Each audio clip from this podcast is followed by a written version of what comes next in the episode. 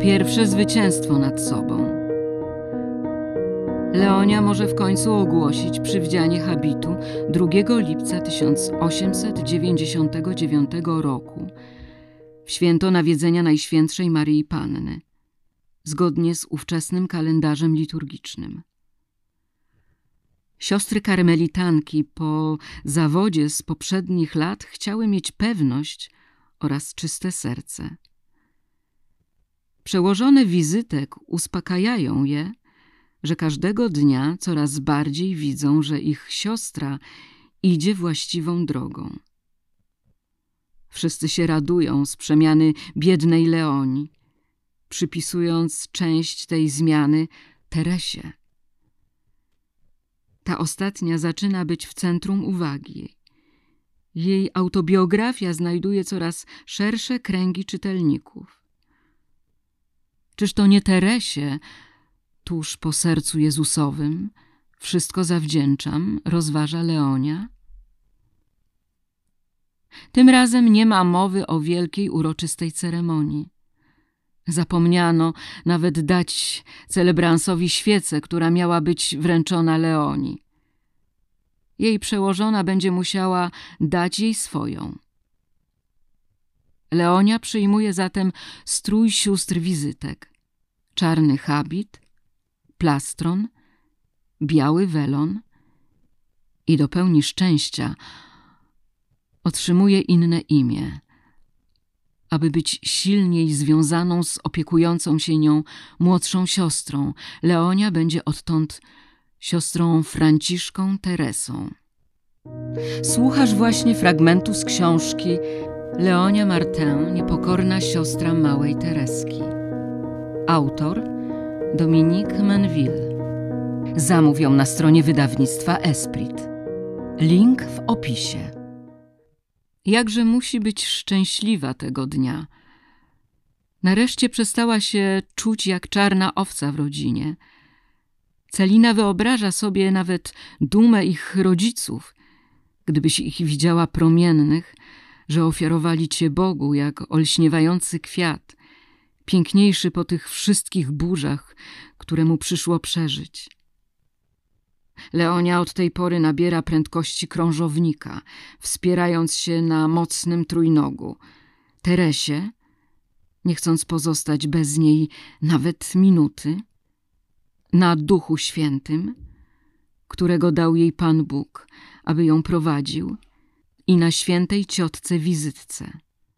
Oto moje niewidzialne anioły, a oprócz tego dwa anioły widzialne, moje przełożone. Rok później, znowu w dniu święta nawiedzenia Najświętszej Maryi Panny, siostra Franciszka Teresa została powołana do złożenia ślubów zakonnych. Pragnie przygotować się do nich, czerpiąc inspiracje z duchowych zaleceń samej Teresy. W 1898 roku ukazały się drukiem Dzieje duszy – autobiografia Teresy poszerzona o listy i poezję. Jeden z pierwszych egzemplarzy został bez wątpienia ofiarowany Leoni. Odkrywa w nim panoramę życia swojej młodszej siostry, jej życie w Karmelu, drogę jej duchowości.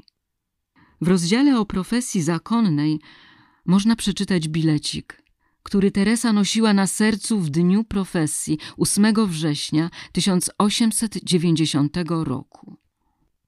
Ty zaś, o Jezu, bądź wszystkim. Niech sprawy tej ziemi nie zdołają nigdy zamącić mej duszy. Niech nic nie zakłóci mego pokoju. Jezu, proszę Cię tylko o pokój i o miłość, miłość nieskończoną, której jedyną granicę stanowisz Ty sam. Daj mi wypełnić moje śluby w całej doskonałości i dozwól mi zrozumieć, jaka powinna być Twoja oblubienica. Spraw, bym nigdy nie była ciężarem dla zgromadzenia. Niech się mną nie zajmuje, niech dla Ciebie, Jezu, będę zdeptana stopami, zapomniana jak ziarnko piasku. Niech jak najdoskonalej spełni się we mnie Twoja wola. Niech dostanę się na miejsce, które mi przygotowałeś. Te wersy przypominają wydźwiękiem postanowienia, które powzięła Leonia, wstępując do klasztoru ponad rok wcześniej. Chcę jednocześnie wzrastać i pozostać małą. Oto moja jedyna ambicja. Ukryć się jak skromny fiołek pod liściem doskonałej uległości. I rzeczywiście nadarza się okazja, aby wprowadzić te intencje w czyn. Karmel w Lizie ofiarował Leoni krucyfiks, który Teresa nosiła przez całe swe zakonne życie. Leonia jest do niego bardzo przywiązana i pragnie trzymać go w ręku w tym wielkim dniu profesji zakonnej. Nie ma wątpliwości, że trzymając go zobowiąże się pójść zdecydowanie za Chrystusem, małą drogą wytyczoną przez młodszą siostrę. Ale wcześniej musi dokonać wielkiego czynu. Jej przełożona, pragnąc ją uwolnić od wszystkiego, co przeszkadza w drodze zakonnej, próbuje cierpliwie oderwać ją od tego cennego przedmiotu, aby nauczyła się liczyć jedynie na Jezusa. I dopiero po akceptacji ze strony Leoni, jakże trudnej, zwraca jej krucyfiks na samą uroczystość ku radosnemu zaskoczeniu młodej profeski. Potem Leonia będzie już miała hojnie oddawać ten krucyfiks do dyspozycji innych sióstr. Pewnej nocy, gdy czuwa przy umierającej młodej siostrze, kładzie go na jej piersi, a ta spokojnie zasypia. Dziesięć lat później, w marcu 1923 roku, w czasie gdy karmelitanki przygotowują relikwiarz Teresy na jej beatyfikację, matka Agnieszka prosi Leonie o krucyfiks, ponieważ pragnie go umieścić w rękach Teresy. W zamian chce jej ofiarować inny, z profesji Teresy, noszony przez nią tylko kilka miesięcy, gdyż był zbyt ciężki. Przed wysłaniem krzyża do Karmelu przełożona wizytek poleca uczcić go w bardzo uroczysty sposób. Wiele sióstr przykłada do relikwii krzyża obrazki, medaliki i różańce.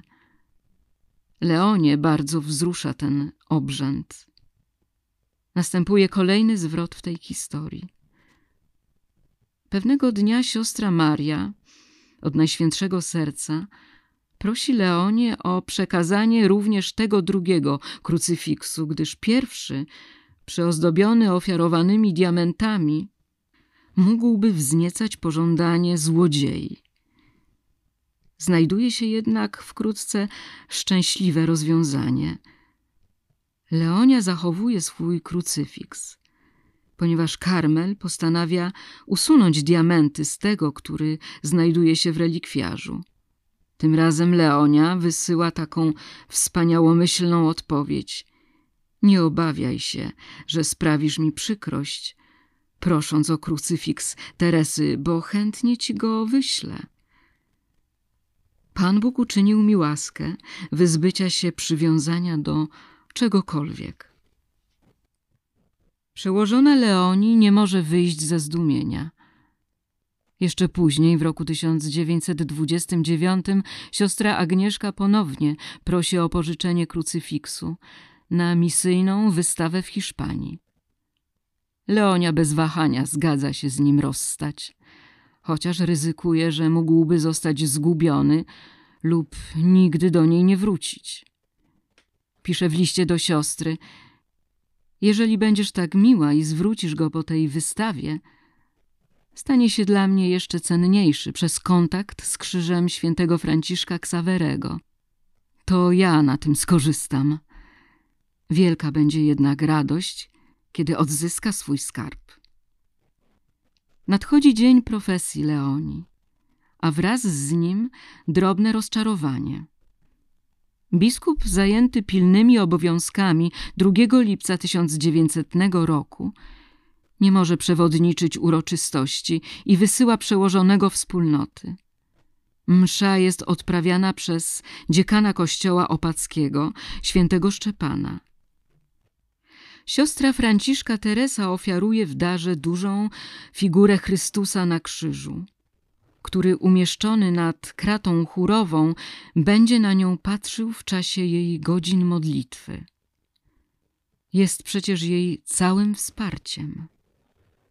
Matka Agnieszka trafi w samo sedno, gdy stwierdza: Otrzymałaś cud swego powołania. Popatrz, jak dobrze traktowała cię Teresa jako siostrę, nie mówiąc już o tym, ile dla ciebie robi. Powtarzam, że nie wystarczyłoby ci dwie pary oczu, aby to dobrze zobaczyć. Siostra Franciszka Teresa jest w pełni świadoma, jaką miłością obdarza ją Pan Bóg. Zna również odpowiedź na tę miłość. Powinnam bardziej niż ktokolwiek inny zanurzyć się w mojej małej nicości i rozpłynąć w miłości i wdzięczności wobec dobrego Boga. Najważniejsze staje się jej głębokie pragnienie zostać świętą, w pełni oddaną Jezusowi. Ta świętość ma cechy świętości jej ciotki wizytki, siostry Marii Dozytei. Siostra Franciszka Teresa wyznaje, że jej postać podąża za nią w dzień i w nocy. Tak bardzo chciałaby być do niej podobna. Zakonnica z Le Mans, która zapewniła, że pragnie być dla swej siostrzenicy znakiem opatrzności Bożej, dotrzymała słowa. Siostra Franciszka Teresa podąża swoją drogą nie ulegając zniechęceniu. Przeczytała następujące słowa Teresy. Jakże słodka jest droga miłości. To prawda, że można ciężko upaść, można popełnić niewierności, ale miłość, która potrafi wszystko obrócić na swoją korzyść, w mgnieniu oka zniweczy wszystko, co może nie podobać się Jezusowi pozostawiając na dnie serca jedynie pokorę i głęboki pokój. Lekcja zostaje odrobiona przez Leonię, która przełoży ją na własny język i zgodnie z własnym doświadczeniem. Niestety, mam na swym koncie wiele porażek, lecz nie zniechęcam się – gdyż jeżeli mały często upada, Pan Jezus jeszcze bardziej się nad nim lituje i czuje się zmuszony do noszenia go w swoich ramionach. Czyżby Leonia miała tendencję do postrzegania siebie w czarniejszych barwach niż jest w rzeczywistości? Bez wątpienia wyraża swoją niemoc wobec dostrzeganego ideału wobec niemożności doskonałego, jakby pragnęła, odpowiedzenia Bogu miłością. W tym samym okresie znajdujemy w listach jej sióstr pierwsze pozytywne uwagi na temat jej zdolności. Trzeba było czekać, aż siostra Franciszka Teresa skończy 60 lat, aby Celina odkryła w niej wreszcie różne umiejętności. Uważam, że jesteś mądra, odpowiadając na mszy po łacinie. Ja się tego nigdy nie nauczę. Siostry często radzą się jej ze względu na dobrą pamięć. Czy Teresa nosiła twoje stare koszule z inicjałami LM? Czy nie wiesz, co się stało z kołyską Teresy? Pytają Celina.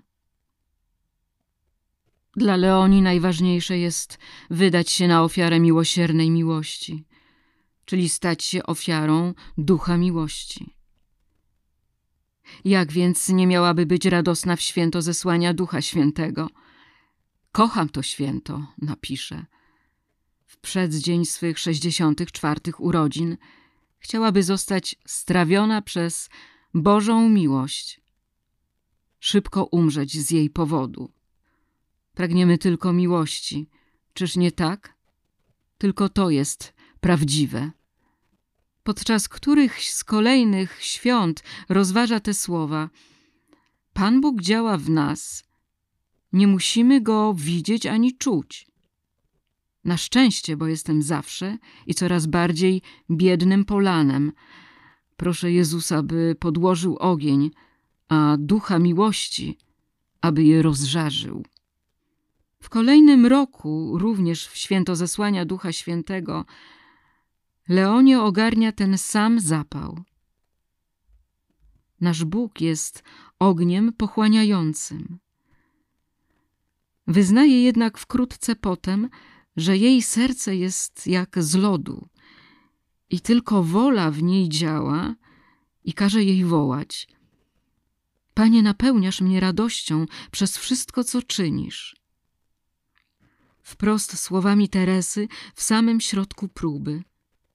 Leonia już na początku roku stwierdziła, jakże wszystko jest mi teraz obojętne.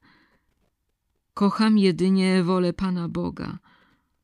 To naprawdę wielka łaska. Siostra Franciszka Teresa rzeczywiście przechodzi próbę. Pojawiają się tu charakterystyczne antynomie życia duchowego, tak dobrze opisane przez wielkich mistrzów Karmelu. Świętego Jana od Krzyża i błogosławionego ojca Marię Eugeniusza od dzieciątka Jezus. Odwaga i słabość idą w parze. W tych okresach intensywnego oczyszczenia Bóg zdaje się ukrywać, aby rozbudzić pragnienie Jego miłości w czystej wierze, pozostawiając duszę w tym czasie bezbronną ze świadomością jej grzesznej kondycji. Dla Leoni, którą śmierć kapelana Enota zostawia bez kierownictwa duchowego, w tym trudnym czasie zmiana jest bolesna – nawet jeśli jego następcą ma zostać doktor teologii i salezjanin. Potem przyszli kolejni kierownicy duchowi, ksiądz Ruel, ksiądz Erwon, którzy zresztą mówili, że noszą zaszczytny tytuł kapelana siostry Franciszki Teresy, a w roku jej śmierci ksiądz Y. Wkrótce po kanonizacji Teresy siostra Franciszka Teresa Rozradowana oznajmia siostrom swoje nowe zajęcie. Mimo, że jestem tak niegodna i mam tak mało umiejętności, nasza matka mianowała mnie pierwszą pomocnicą w zakrystii. Wykonuję więc, jak moja Teresa, tę wspaniałą posługę, zajmując się już tylko Jezusem w hostii. O, jakże jestem szczęśliwa, gdy całym sercem oddaję się temu zajęciu, wyraźnie wspomagana przez moją ukochaną świętą. Nie rozpoznałabyś mnie. To prawdziwa przemiana. To święte zadanie, jak sama mówi, powoduje również zmęczenie. Dla Leoni nie ma to większego znaczenia – Jestem bardzo zadowolona, mogąc ofiarować wszystkie swoje siły Jezusowi w hostii, który staje się moim chlebem powszednim. To On jest całą moją siłą. Siostra Franciszka Teresa zawsze odczuwała wielkie umiłowanie Najświętszego Sakramentu. Każdego roku lubi przypominać, że została ochrzczona w święto Bożego Ciała. Eucharystia jest centrum jej życia. Twierdzi, że doczołgałaby się raczej na kolanach, niż opuściła okazję do Komunii Świętej. Czym stalibyśmy się bez Jezusa? Życie byłoby nie do zniesienia. Gdy była młodą zakonnicą, Dziękowała swojej siostrze Celinie za przysłanie róż dla uczczenia jej urodzin. Umieściła te róże blisko monstrancji. To tak, jakbyśmy obie były przy Jezusie w hostii. Jak tu dobrze, zostańmy tu na zawsze. Jest jej tam tak dobrze, że prosi o pozwolenie na większą liczbę godzin adoracji. Leonia lubi te długie momenty ciszy przy Panu Jezusie. Święty Franciszek Salezy pisał do jednej ze swoich uczennic: O jakże musisz być pełna radości, kiedy nawiedza cię Zbawiciel w przenajświętszym sakramencie ołtarza. Poproście mnie o co chcecie. Jestem gotowa przyjść wam z pomocą. Mówiła Leonia do swych sióstr wizytek. Od tego czasu wielu ludzi wierzy jej na słowo i powierza się jej wstawiennictwu. W dzisiejszych czasach bardziej niż kiedykolwiek. Po śmierci Leonii matka Maria Agnieszka Dybon codziennie przychodzi do jej grobu aby powierzyć jej wszystkie swoje zajęcia i powraca pocieszona i umocniona. Siostra Maria Krystyna, przyszła matka przełożona, która znalazła się w klasztorze dwa lata po śmierci siostry Franciszki Teresy, Wspomina jeszcze dzisiaj, że przez całe lata wizytki zadawały tysiące pytań o Leonie spontanicznie chodziły do jej grobu i powierzały swoje intencje lub w czasie świąt śpiewały tam magnifikat. W lipcu 1944 roku relikwie świętego Jana Eudesa zostały uchronione przed bombardowaniami, schowane na jej grobie pod materacem. Wiele lat później w 1961 roku pewna nowicjuszka, która ze względu na stan zdrowia nie mogła wstąpić do wspólnoty pierwotnie wybranej, w wigilię swych obłóczyn idzie na grób Leoni z nadzieją, że znajdzie potwierdzenie obrania dobrej drogi u wizytek. Modli się do Leoni o wstawiennictwo takimi słowami – jeżeli mam zostać córką świętego Franciszka Salezego, spraw, aby mi nadano Twoje imię zakonne. Tymczasem, zgodnie z decyzją przełożonych, postanowiono, że nikt nie będzie nosił imienia siostry Franciszki Teresy. A jednak nazajutrz, w czasie ceremonii, nowicjuszka słyszy, że zostaje jej nadane to imię. Rada w ostatniej chwili zmieniła swoją decyzję. Potem ta siostra Franciszka została członkiem komisji historycznej w ramach procesu beatyfikacyjnego Leonii. Wizytki przypominają sobie, że w 1963 roku przyszedł do ich wspólnoty pierwszy list opisujący łaskę uzdrowienia przypisywaną Leonii. Czy Pan Bóg raczył uświęcić stulecie jej urodzin na ziemi?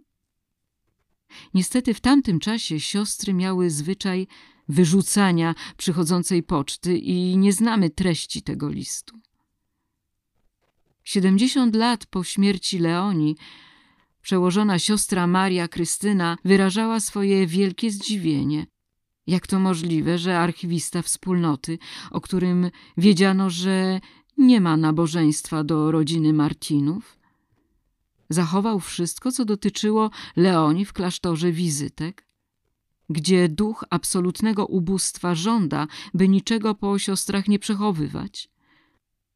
Dawna przeorysza wspomina jednak, że po jej przyjściu do klasztoru już w 1948 roku proszono o wstawiennictwo Leonii. Od tamtego czasu wiele było osób pukających do drzwi krypty. Na przykład norweski lekarz, metodysta, którego serce podbiła święta Teresa, a potem Leonia i ona stała się jego powiernicą. albo młoda kobieta żyjąca w Rosji, dla której rak stał się okazją do nawiązania ścisłej więzi z Leonią. Wiadomości spływają do klasztoru wizytek z całego świata. Z Belgii. Ciąża z moim drugim dzieckiem była fizycznie ciężka. Urodził się wspaniały chłopiec, który jednak sprawia nam kłopoty. Odnajduje samą siebie w pismach Zeli. Z moim niepokojem matki, dotyczącym wszystkich aspektów życia, edukacji moich dzieci, ich przyszłości, stosunku do świata, ich pełnego rozwoju. Chcielibyśmy rozpocząć nowennę do Leoni o łaski dla naszego synka. Z Australii pragniemy modlić się do Leoni Martin, aby prosić o cud dla naszego dziecka, by zostało uleczone i mogło uniknąć ciężkiej operacji. Z Meksyku kiedy papież Benedykt wezwał nas do odkrywania wiary świętych, ja odkryłem sługę Bożą Leonie Martę. Byłem poruszony wiarą tej wielkiej kobiety, a przede wszystkim tym, w jaki sposób podążała małą drogą duchową swej siostry, świętej Teresy. Wtedy narodziła się we mnie wielka do niej nabożność. Z Niemiec nie wiem, jak prosić Leonie o wstawiennictwo. Proszę, wstawiajcie się za mną i zanieście w modlitwie moje intencje. Z Portugalii. Chciałabym modlić się za wstawiennictwem Leoni o uleczenie z ciężkiej choroby. Jestem po poważnej operacji i będę być może potrzebowała kolejnej. Bez żadnej gwarancji powodzenia z Francji. Odkrywaliśmy biedną Leonię po nitce do kłębka. Jej postać wiele nam mówi. Jesteśmy rodzicami trójki dzieci, siedmio, cztero i dwulatka. Ratuj, Leonio, błagam cię ze wszystkich sił o pomoc dla moich dzieci. Ty, która miałaś tak trudne życie, wspieraj je. Pomagaj im, powierzam je Twojej opiece. Znam Leonie, jej życie, cierpienia, jej pytania dotyczące przyszłości. Chciałabym jej powierzyć dwie z moich córek. Ich charakter mnie martwi. Z całego serca i z pełną ufnością powierzam Twoim modlitwom, Leonio, moją jedenastoletnią córkę. Mieliśmy wiele problemów w życiu. Córka jest ładna, ale cierpi w sercu i staje się zbuntowana. Nie znosi też żadnego sprzeciwu. Dziękuję Ci, Jezu, za życie mojego dziecka i za to, co z nim robisz. Z Japonii. Propaguje jej proces beatyfikacyjny ze Stanów Zjednoczonych. Jestem mamą siedmiorga dzieci, w tym noworodka niedawno dotkniętego problemami zdrowotnymi. Utrudnia mi to zajmowanie się rodziną. Poproście Leonie, by wzywała pomocy naszego Pana, abym potrafiła być dobrą matką dla moich dzieci. Dziękuję za pamięć w modlitwie. Oto świadectwo otrzymane 16 lipca 2017 roku od chorej na raka Izabeli Paul. Długie miesiące choroby pozwalają mi odczuć jeszcze głębiej szansę bycia katoliczką. Powszechna podstawa strukturalna naszej religii pozwala wrażliwości każdego człowieka znaleźć pomoc, by zrozumieć tajemnicę Boga mnie jest niezbędnie potrzebna pomoc świętych, aby dotknąć Boga. Staram się inspirować ich życiem i proszę o wstawiennictwo u Pana. Nie są dla mnie przeszkodą w bezpośredniej łączności z Bogiem.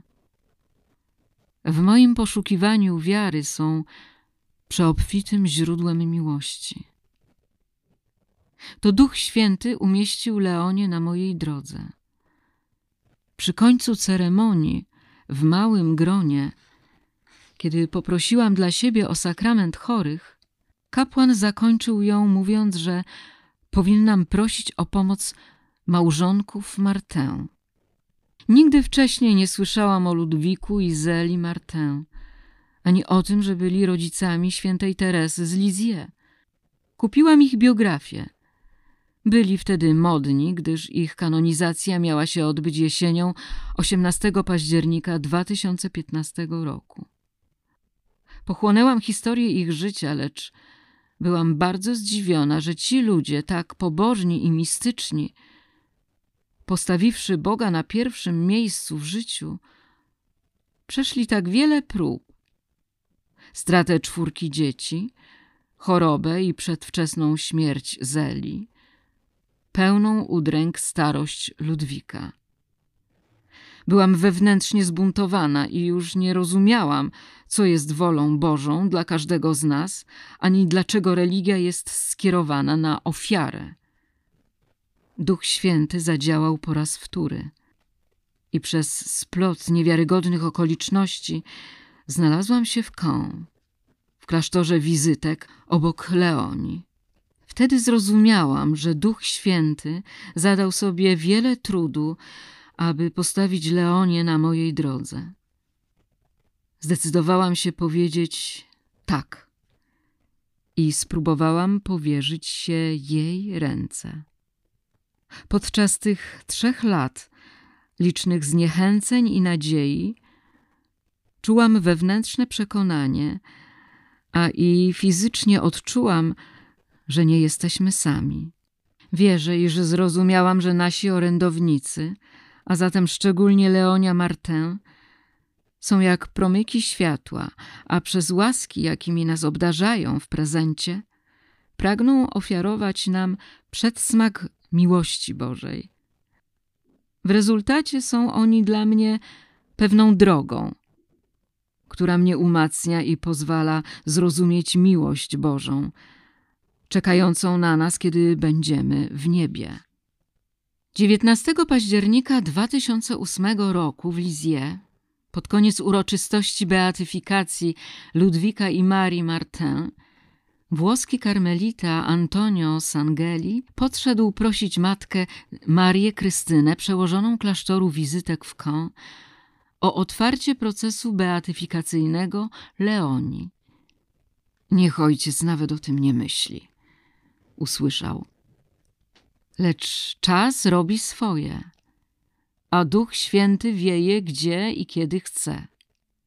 2 lipca 2015 roku Jean-Claude Boulanger, biskup Bayeux i Lisieux, otworzył oficjalnie proces diecezjalny sługi Bożej Leoni Martin, siostry Franciszki Teresy. 21 stycznia 2017 roku jej grób został przeniesiony z krypty do kaplicy wizytek przy ulicy Abbasial pod numerem 3. Przesłuchałeś właśnie fragment książki Leonia Martin, niepokorna siostra małej Tereski. Autor Dominique Manville. Kupisz ją na stronie wydawnictwa Esprit. Link w opisie.